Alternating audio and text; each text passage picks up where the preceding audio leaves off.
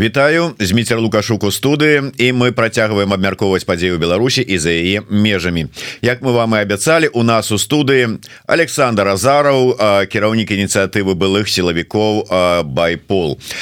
Ну што ж добрый дзень спадар Александр. Я думаю что той сакрэт ці там сюрпрыз скажем так які мы падрыхтавалі вы падрыхтавалі для наших гледачоў мы крыху пазней дадзім. Но глядзіце пакуль мы яшчэ толькі сядзелі ў студыі і чакалі пакуль пачнецца эфир нам ужо дакладней вам ужо панакідалі вельмі шмат розных пытанняў. І самое першае пытанне было такое что там с планам перамога? Азарова абяцаў апублікаваць яго цягам аднаго месяца. Сапраўды абяцаў абяцалі я нешта пропусціў і калі абяцалі то чаму не публиковали добрый день змитер я не обещала опубликовать его в течение месяца. Я говорил о том что план мы в ближайшие месяцы опубликуем. Новый план перамога 2.0 ну возможно это произойдет в течение месяца у нас уже подготовлен ролик на эту тему и идут технические моменты мы сейчас решаем с публикацией. Вот поэтому э, пускай люди ожидают скоро они все услышат. Але тады узнікае пытанне. Калі план перамога 20 то что с перамогам с планам перамога 10 что прымусіла вас адмовіцца от того плану? Ці перапісаць его ці вот что здарылася мы проводили внутренний аудит плана перамога а с учетом его составления также обстоятельств которые сейчас э, сложились э, в социально-политической обстановке в Беларуси, в России и в Украине. И пришли к выводу, что план Перамога, просто план Перамога, который он уже не сработает в этих условиях. Он был разработан для того, чтобы сработать при массовом выходе белорусов. Он рассчитан как раз на массовый выход белорусов, который был в 2020 году. Но сейчас мы видим, что в результате репрессий, которые уже идут третий год, белорусы запуганы до того, что а, ждать от них их выхода на улицы э, уже невозможно. Уже никто не выйдет. Поэтому мы изучили план и полностью его переформатировали с учетом сложившихся обстоятельств. Теперь план представляет собой создание ячеек партизанского движения на территории Беларуси. То есть мы работаем с людьми и создаем эти самые ячейки, готовим их, Э, работаем в плане получения информации и подготовки к будущей э, к будущим партизанским акциям которые также могут э, настать только в тот момент когда появятся такие сприяльные условия на территории беларуси. То есть это тоже план не такой что давай азаров запускай его в понедельник и будем свергать лукашенко. Так это не работает. Все зависит в первую очередь от белорусов. Мы создали план для белорусов. Если белорусы сами не захотят в нем участвовать участвовать, то мы ничего сделать с этим не можем. То есть это не мы должны его запускать, а белорусы сами должны запустить его пытанне ад яшчэ одного наша гледача глядачки дакладней. Ну прынамсі нік Настюша і вось Настюша пытается пытанне такое. Байпол гэта ўсяго два чалавекі. Ну можа запросят третьего Як вы сабраліся звяргаць рэжым сотнямі тысяч солдат кот колькі ўсё ж таки дарэчы пасля развалу я шмат чую что засталіся ў тым байполе толькі азаровы лупаносаў і ўсё Азаров и Лупаносов – это только публичные лица. Большинство сотрудников Байпол не публичные. То, что уволилось несколько человек, не повлияло на нашу работу. Мы приняли новых сотрудников на их места. Ну и вообще Байпол а, организация создавалась на протяжении 21-22 года. Это не те сотрудники, которые вышли в эфир в 2020 году в начале. Байпол это большая организация. Я занимался приемом людей в Байпол и хочу сказать, ну мы это неоднократно уже заявляли, что было принято за два года порядка 600 а, человек. Чуть чуть больше 600, а большинство из которых являются бывшими и, и что очень важно, действующими силовиками, которые до сих пор продолжают служить. В Варшаве было только ядро организаций, в основном публичных, но большая часть тоже в Варшаве не публичных. Основные наши члены находятся в Беларуси, но также раскинуты уже в результате репрессий часть людей выехала, находится и в Украине, воюют против россиян, э, и в Польше, и в Литве, и в других странах. То есть Байпол это большая организация, это, это не Азаров и Купрейчик, как говорят, это белорусы, это те, которые находятся в основном внутри страны. Ну тым не менш вы падрыхтавалі я так разумею не тое что вот нас было двое цяпер настроя а просто вырашылі яшчэ аднаго чалавека зрабіць публічнай асобай. Хто гэта прастаўце Да мы решили все-таки одного человека. Он был не публичным где-то полгода но мы решили все-таки сделать его публичным. Вот это Александр Ракицкий который раньше служил в Генеральной прокуратуре имеет значит звание советника юстиции юстиции Вось гэты чалавек былы супрацоўнік генпракуратуры Александр ракіцкі. Ну такі талерчык 20 у байполя спадар Александр Ну па-першае рады пазнаёміцца. Скажите мне кай ласка я так ўсё ж таки на двары 24 год. Нават калі улічыць что вы раней троху вырашылі далучыцца да ініцыятывы байпол але ўсё адно не 20 не 21 нават не 22 год. Чаму так доўга? Что что вас стрымлівала что вас прымусіла далучыцца до этой тэрарыстычнай организации э, я покинул э, страну в 21 году э, выехал в Украину с семьей и с 21 года являюсь волонтером общественной организации украинская Вильная Беларусь с начала военных действий в Украине выехали из Украины с семьей, и вот э, в 22 году я связывался с... Э, ну, получилось у меня связаться, не так просто найти было такую возможность. Связался с Толерчиком, с ним переговорили, обсудили. Ну, то есть, мы были как-то знали о том, что мы существуем, и он, и я, но лично мы, к сожалению, знакомы не были. И я обозначил ему, что э, готов присоединиться к движению. Ну, обратной связи э, не последовало.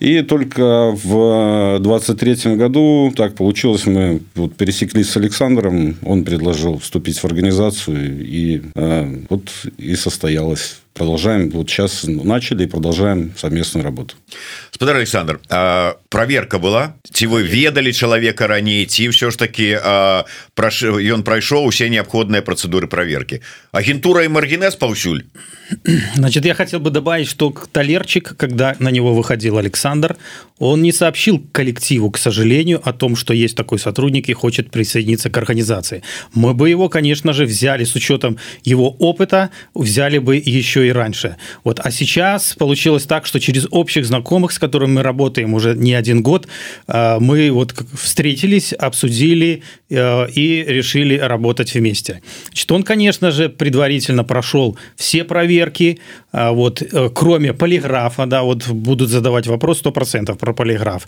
Значит, сейчас с полиграфом большие сложности.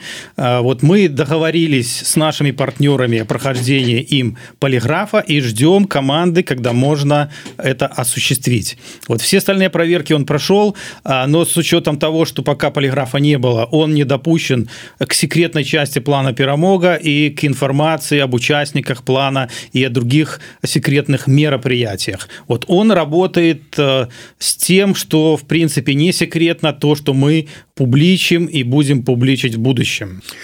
Дарэчы узгадываюць калі мы так вернемся трошку да плана перамогі люди скардзяцца что бот плана ўжо два месяца не працуе як можна звязацца і як ввогуле при такой ситуации можна нешта органнізоўваць і планаваць калі люди не могуць з вами звязаться вот працуе. Я сегодня буквально перед эфиром как раз общался с людьми. То есть возможно бывают технические неполадки в какое-то время но люди пускай нам сообщают сообщают, у нас не только один канал связи, пускай сообщают через другие каналы связи, и мы будем их вовремя э, исправлять. Э, Александр я до вас вернуся А у генпрокуратуры вы на якой позиции были якімі пытаннями займаліся э, в органах прокуратуры я работал с 96 -го года помощником прокурора следователем прокурором международно-правового отдела генеральной прокуратуры прокурором отдела по надзору за законностью исполнения наказаний и с 2008 года я работаю в, работал в научно-практическом центре генеральной прокуратуры э, был начальником отдела научно методического обеспечения прокурорского надзора.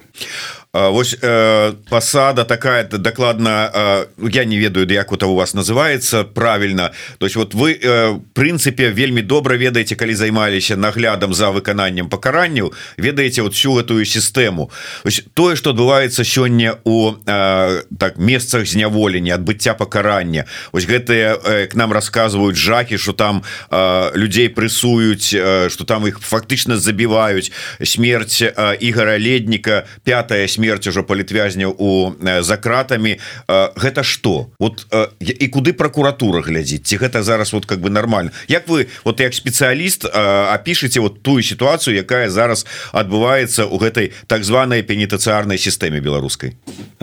Описать э, квалифицировать я могу эту ситуацию действия властей действия должностных лиц исправительных учреждений. Это можно квалифицировать как преступление против человечности в отношении политических заключенных, которые на сегодняшний день отбывают наказание в местах лишения свободы, целенаправленно, масштабно и системно применяются а, пытки, создаются бесчеловечные условия содержания. Иначе как а, преступление против человечности это квалифицировать с учетом масштаба никак нельзя. Ну, позиция, ну, такая вот посада, я так разумею, у прокуратуры застается, как бы человек, ну, специалист нагляду за выконание выкананне по ну, пакаранню целое управление да. да то есть вот целое управление. І что вот чым яны займаются ці іх зараз задача сачыць за тым каб вот зняволеных там сапраўды катавалі і забівалі. Э, дело в том, что в Беларуси выстроена так называемая вертикаль власти, в которую в том числе включены органы прокуратуры.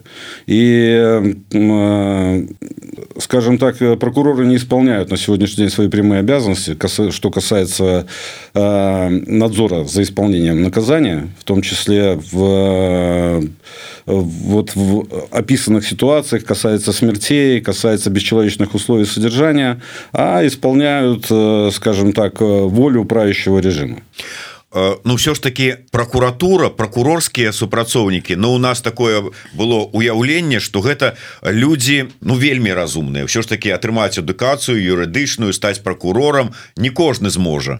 І гэтыя разумныя люди яны не бачаць что адбываецца ў краіне яны не бачаць что яны выконваюць злачынныя загады. То есть вот наколькі все ж таки ну э, не то что пратэстныя настроі а не прыняццё того что адбываецца у краіне было пашырана у сярод супрацоўнікаў прокуратуры Ну в, в моем личном общении и в, скажем так и за пределами даже этого общения вообще позиция прокурорских работников очень многих вне зависимости там скажем от э, политических взглядов и пристрастий была однозначной то что происходили события 20 в двадцатом году э, применение насилия в отношении мирных граждан это всеми оценивалось как э, ну, преступная деятельность со стороны сотрудников органов внутренних дел. Ну и впоследствии скажу так, что позиция очень многих прокуроров не изменилась. Прокуроры отказывались от поддержания государственного обвинения. Знаю случаи такие, что отказывали в даче санкций там, на, скажем, на арест, на проведение каких-то оперативно-розыскных мероприятий. И репре... ну, можно сказать, репрессии в отношении прокурорских работников э, вот начались буквально там с 20-21 года и продолжались достаточно длительное время. Э, состав Генеральной прокуратуры, насколько мне известно, изменился минимум на 70%. Э, научно-практический центр, где я работал, насчитывал 35 человек. Из состава, скажем, 21 года осталось 4 или 5. То есть э, и генеральный прокурор весной 2021 года на одной из коллегий заявлял, что в рядах прокуратуры еще много предателей. Э, предателей он называл тех людей, которые э, объективно оценивали ситуацию с точки зрения закона. Але э, я ну можа я пропусціў але я не бачыў там калі суд адбываецца так званы э, дзяржаўны абвінаваўца э, там как бы просіць суддзю пакараць э, таким-то вось тэрмінам я нічого асабліва каб прокуратура прокурорскі супрацоўнік выступаў супраць э, такого покарания.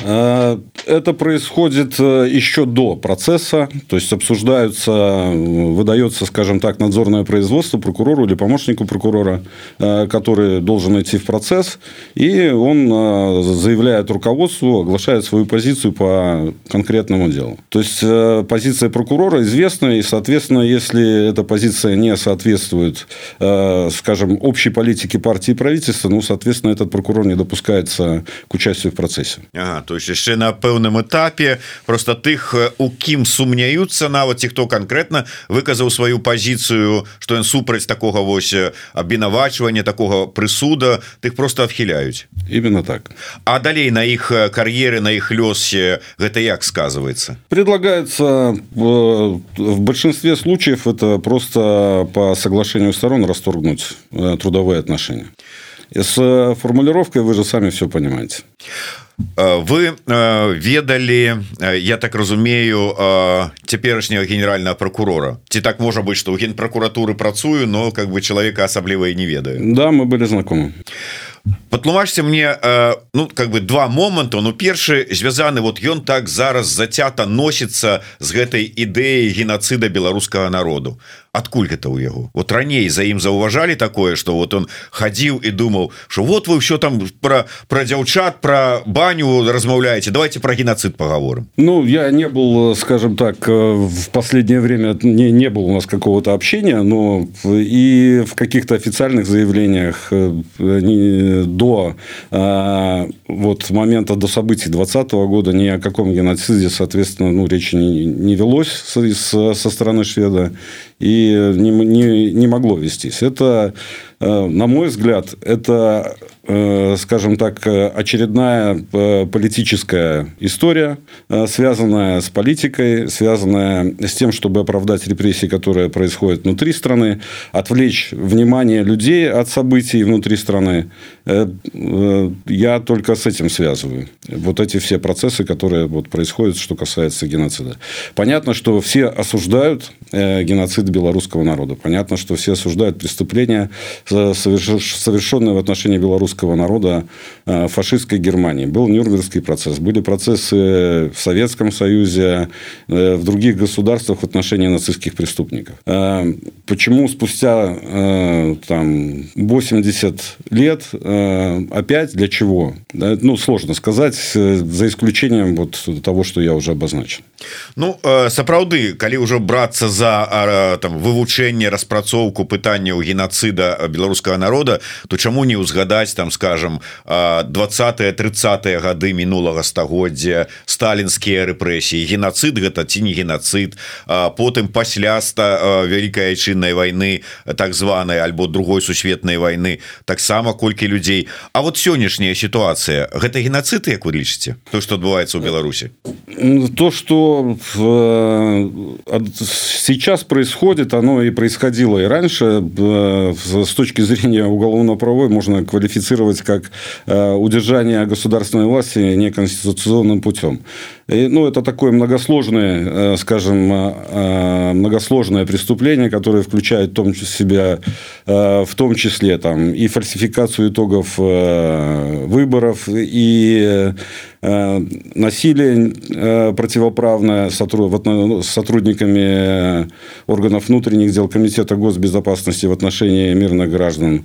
Это касается и преступления против интересов службы, и против конституционных прав и свобод граждан. Это такой многоаспектный, э, скажем, э, процесс, э, над которым вот сейчас мы систематизируем информацию, систематизируем сообщения вот преступной этой деятельности всей режима и сделаем вот в системном таком виде сделаем эту информацию достоянием общественности. Так мы спадара Азарова пакінули неяк па-за межамі нашай размовы дарэчы маглі і как бы далучыцца калі было что сказаць але спадар Александр вот ёсць пытанне такое агульнае прычым вот у звязку с Александром ракіцкім дакладней з яго пасадай і яго кампетэнцыямі ёсць два былых супрацоўніка прокуратуры. Ну маецца на увазе відаць і ракіцкі талерчык асобна дапамажыце офісу з распрацоўкай дакументаў стратэгія і канцэпцыя документы офіса не адказваюць патрабаванням заканадаўства але офіс на заканадаўства спасылаецца вы разумееце про что размова ідзе возможно речь идет о концепции о переход перехода к новой беларуси угу. да стратегии стратегии мы как раз э, вот вопрос своечасовый можно так сказать мы буквально на днях проанализировали эту стратегию и планируем может быть в ближайшие дни выкладывать наши мысли на эту тему. Вот. И если эти мысли все-таки дойдут до офиса светланы тихохановской для объединенного переходного кабинета то мы готовы поучаствовать в переработке этой стратегии возможно разработке нормативно-правовых актов которые они выпускают. Э, ну что значит возможно они дойдут? Ну, уважа все ж таки вы и застаетеся все ж таки и сябрам беднана пераходного кабинета. И есть выходы на офис я думаю что напрямую на тихохановскую что значит калі дойдзе поэтому мы будем это все публиковать на наших каналах чтобы белорусы видели также изучили наше мнение. Вот и мы готовы участвовать в изменениях данных документов.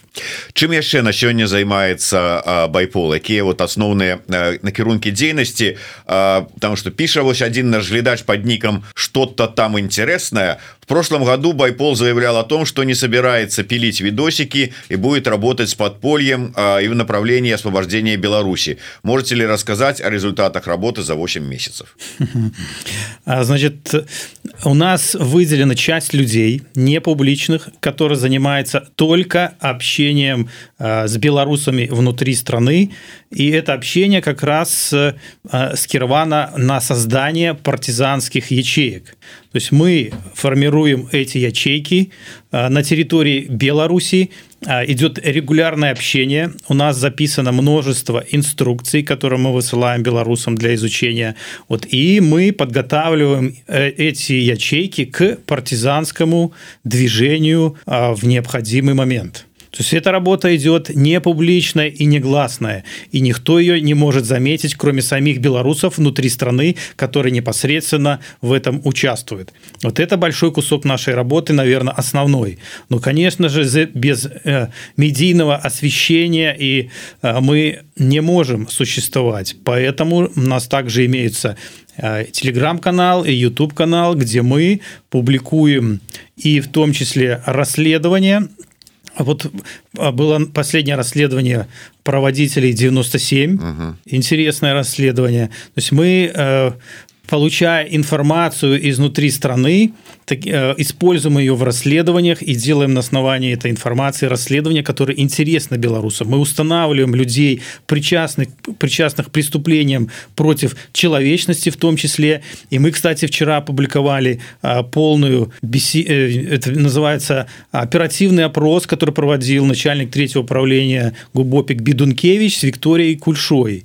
Мы опубликовали там целый час и пять минут этого оперативного опроса для того, чтобы белорусы видели, каким образом происходит э, вербовка задержанных в местах э, содержания задержанных. То есть в ИВС э, можно просмотреть этот пример.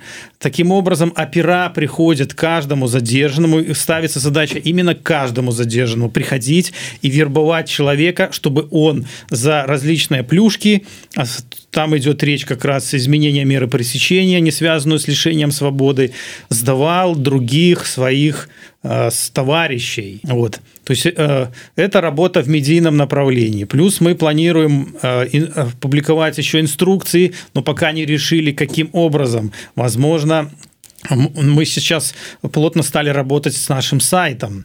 Может быть, вы заметили, что мы большие статьи стали публиковать на сайт и делать ссылку.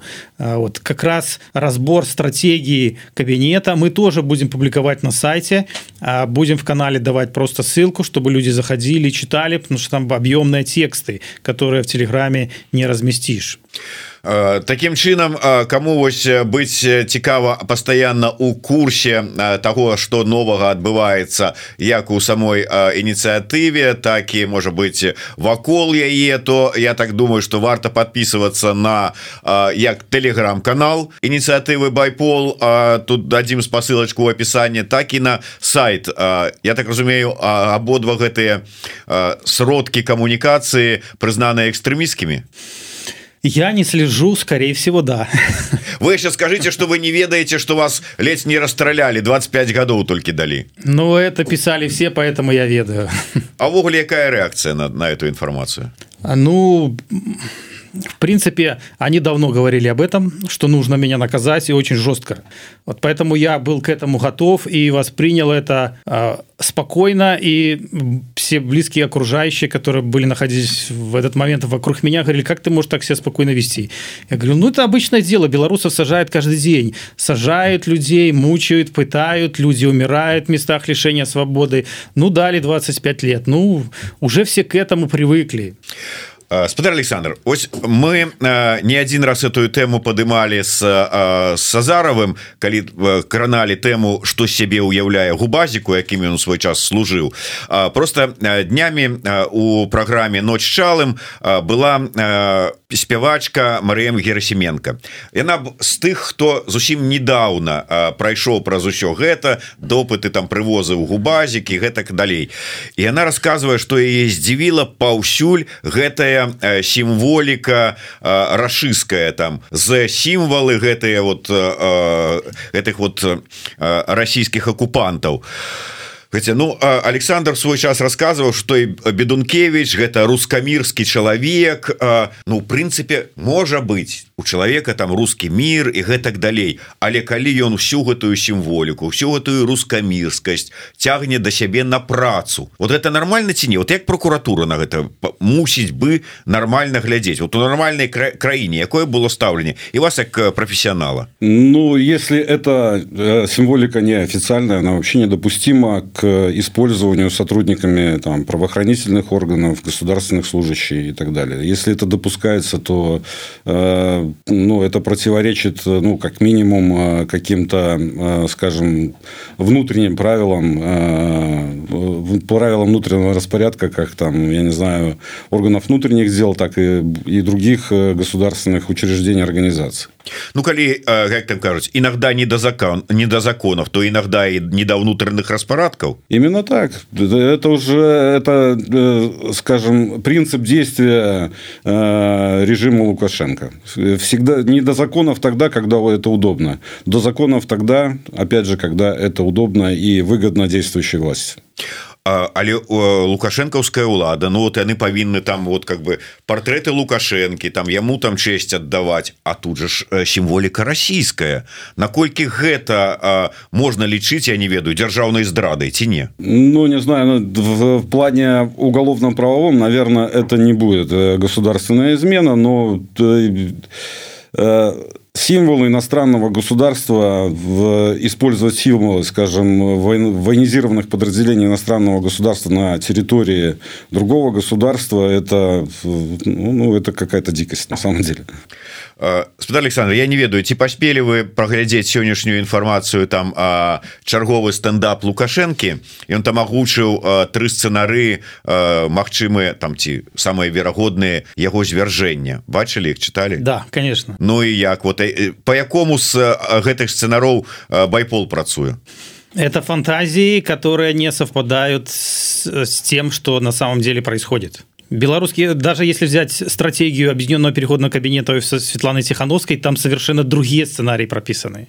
А у нас также совершенно другие, чем в этой стратегии и в стратегии Лукашенко. Так может быть, он вам подказал нормальные такие свои варианты, до яких вы не додумались? Я не думаю, что эти варианты могут сработать. С Лукашенко все связывает с выборами. Он помнит 20 год, когда именно во время выборов была попытка отстранить его все-таки от власти. Вот. И он теперь привязывает каждым выбором э, эту угрозу. И я не знаю, он, наверное, не развивается таким образом. То есть спецслужбы выполняют все его указания. Если он эти сценарии озвучил, значит, они определены и направлены во все спецслужбы, и спецслужбы их прорабатывают. Они, получается, другие, что не прорабатывают, либо Лукашенко их просто скрывает.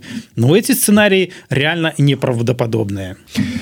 Э, так э, не могу просто пакінуть э, каментар от осторожно вирус у дачыненні да мяне які піша лукашук я жду дебатов с тобой или с леончиком хватит прятаться так ну по-першае шлявончикам вы павінны самі паміж сабой дамовіцца калі вы прыйдзеце да мяне на дэбаты Таму вы шлявончыкам спешитеся самі Э, прычым самі один до аднаго ты да лявончыка лявончык да цябе а не праз трэціх асобаў праз секору ці яшчэ там праз каго-небудзь і не трэба мяне тут увязваць. Вы самі вырашылі арганізаваць гэтыя дэбаты і прыйсці да мяне то арганізоўвайцеся. А дэбатаваць асабіста мне с тобой вирус няма пра што. Мне слухаць твои доказы чаму ты лічыш мяне прапагандыстаў?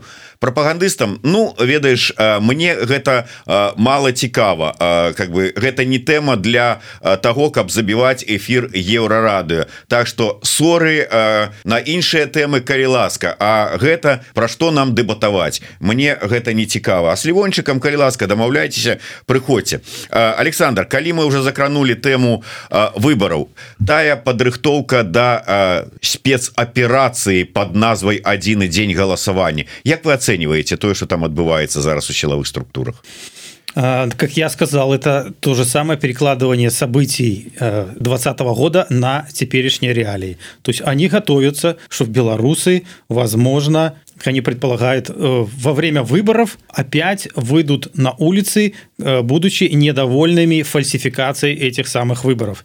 И поэтому они учли все ошибки, которые были тогда в 2020 году. Я помню сам, когда находился на избирательном участке, не хватало сотрудников ОМОН, э, председатели избирательных участков постоянно вызывали группы ОМОНа для задержания наблюдателей независимых, либо белорусов, которые просто собирались собирались небольшие группы, находились возле избирательных участков на улице, возле школы, во дворе школы, вот вызывали ОМОН, чтобы их забирали. И насколько я помню, этого ОМОНа не хватало, там на, на район было там несколько групп, и они по очереди ездили только вот, и приходилось им ждать часами, пока приедет с очередного задержания эта группа ОМОНа. Теперь мы знаем, Карпенков создал а, там больше 10 спецподразделений по борьбе с диверсантами, а, и я думаю, что как раз и их также будут использовать на избирательных избирательных участках. То есть теперь они уже это учли, и, видимо, за каждым участком уже будет закреплена группа, ну, я не знаю, может, которая даже будет дежурить там э, с утра до вечера во время этого голосования. То есть они готовятся именно к сценарию, что э, люди опять выйдут, увидев, что произошла очередная фальсификация. так ну что на жаль трэба завершать нам наш эфир Паўлінка пытается пытанне да гасцей Як вы лічыце Мачымы вялікія пратэсты ў Росіі пасля 17 сакавіка Ну я не ведаю наколькі ўсё ж таки вы там адсочваеце і інфамаеце інфармацыю про Россию Ну тым не менш калі ёсць что сказать можете сказать Я не верю, что в России будут протесты, также не верю, что протесты будут в Беларуси в сегодняшних реалиях. Два режима очень похожи между собой. А, недавно а, был убит политзаключенный а, Навальный. Я думаю, что это как раз сигнал Лукашенко «повтори за мной». Вот я смог это сделать, теперь твоя очередь. Лукашенко получил индульгенцию от своего руководителя Сюзерена, взял эстафетную палочку. Поэтому вот у нас, кстати, и умер один политзаключенный. То есть я думаю, что сейчас спецслужбы режима Лукашенко прорабатывают сценарии, возможно, кстати, совершение акций устрашения и за границей, в том числе не только в местах лишения свободы. Александр? Ну ожидать э, протестов э, с учетом э, действий скажем правоохранителей как в Беларуси так и в России вот Александр прав не приходится. Ну, возможно какие-то ну я не знаю там небольшие акции со стороны граждан Российской Федерации не более того. А в Беларуси?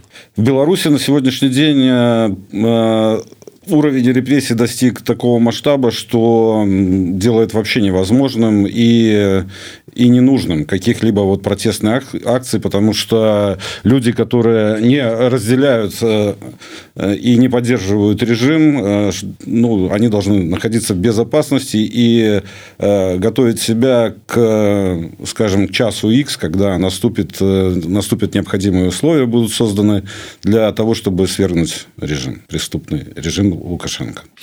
Дякую вялікі Ну что ж прадстаўнікі ініцыятывы сілавікоў былых сілавікоў Александр Азараў і Александр ракіцкі. Я так спадзяюся новая медыйная асоба твар гэтай ініцыятывы які будзе таксама час час ад часу даведавацца до нас у студыю. Дякую вялікі. Зміцер лукашук працаваў для вас. Слухайте глядзіце подписывайтеся калі гэта для вас бяспечна. Ну і як сказаў спадар Александр захоўвайце бяспеку і рыхтуйцеся да будучыня сапраўды на сёння самое галоўнае сябе захаваць. Ну і яшчэ раз спачуванне ўсім сваякам і знаёмым ігора ледніка які загінуў у лукашэнкаўскай турме. Жыве Беларусь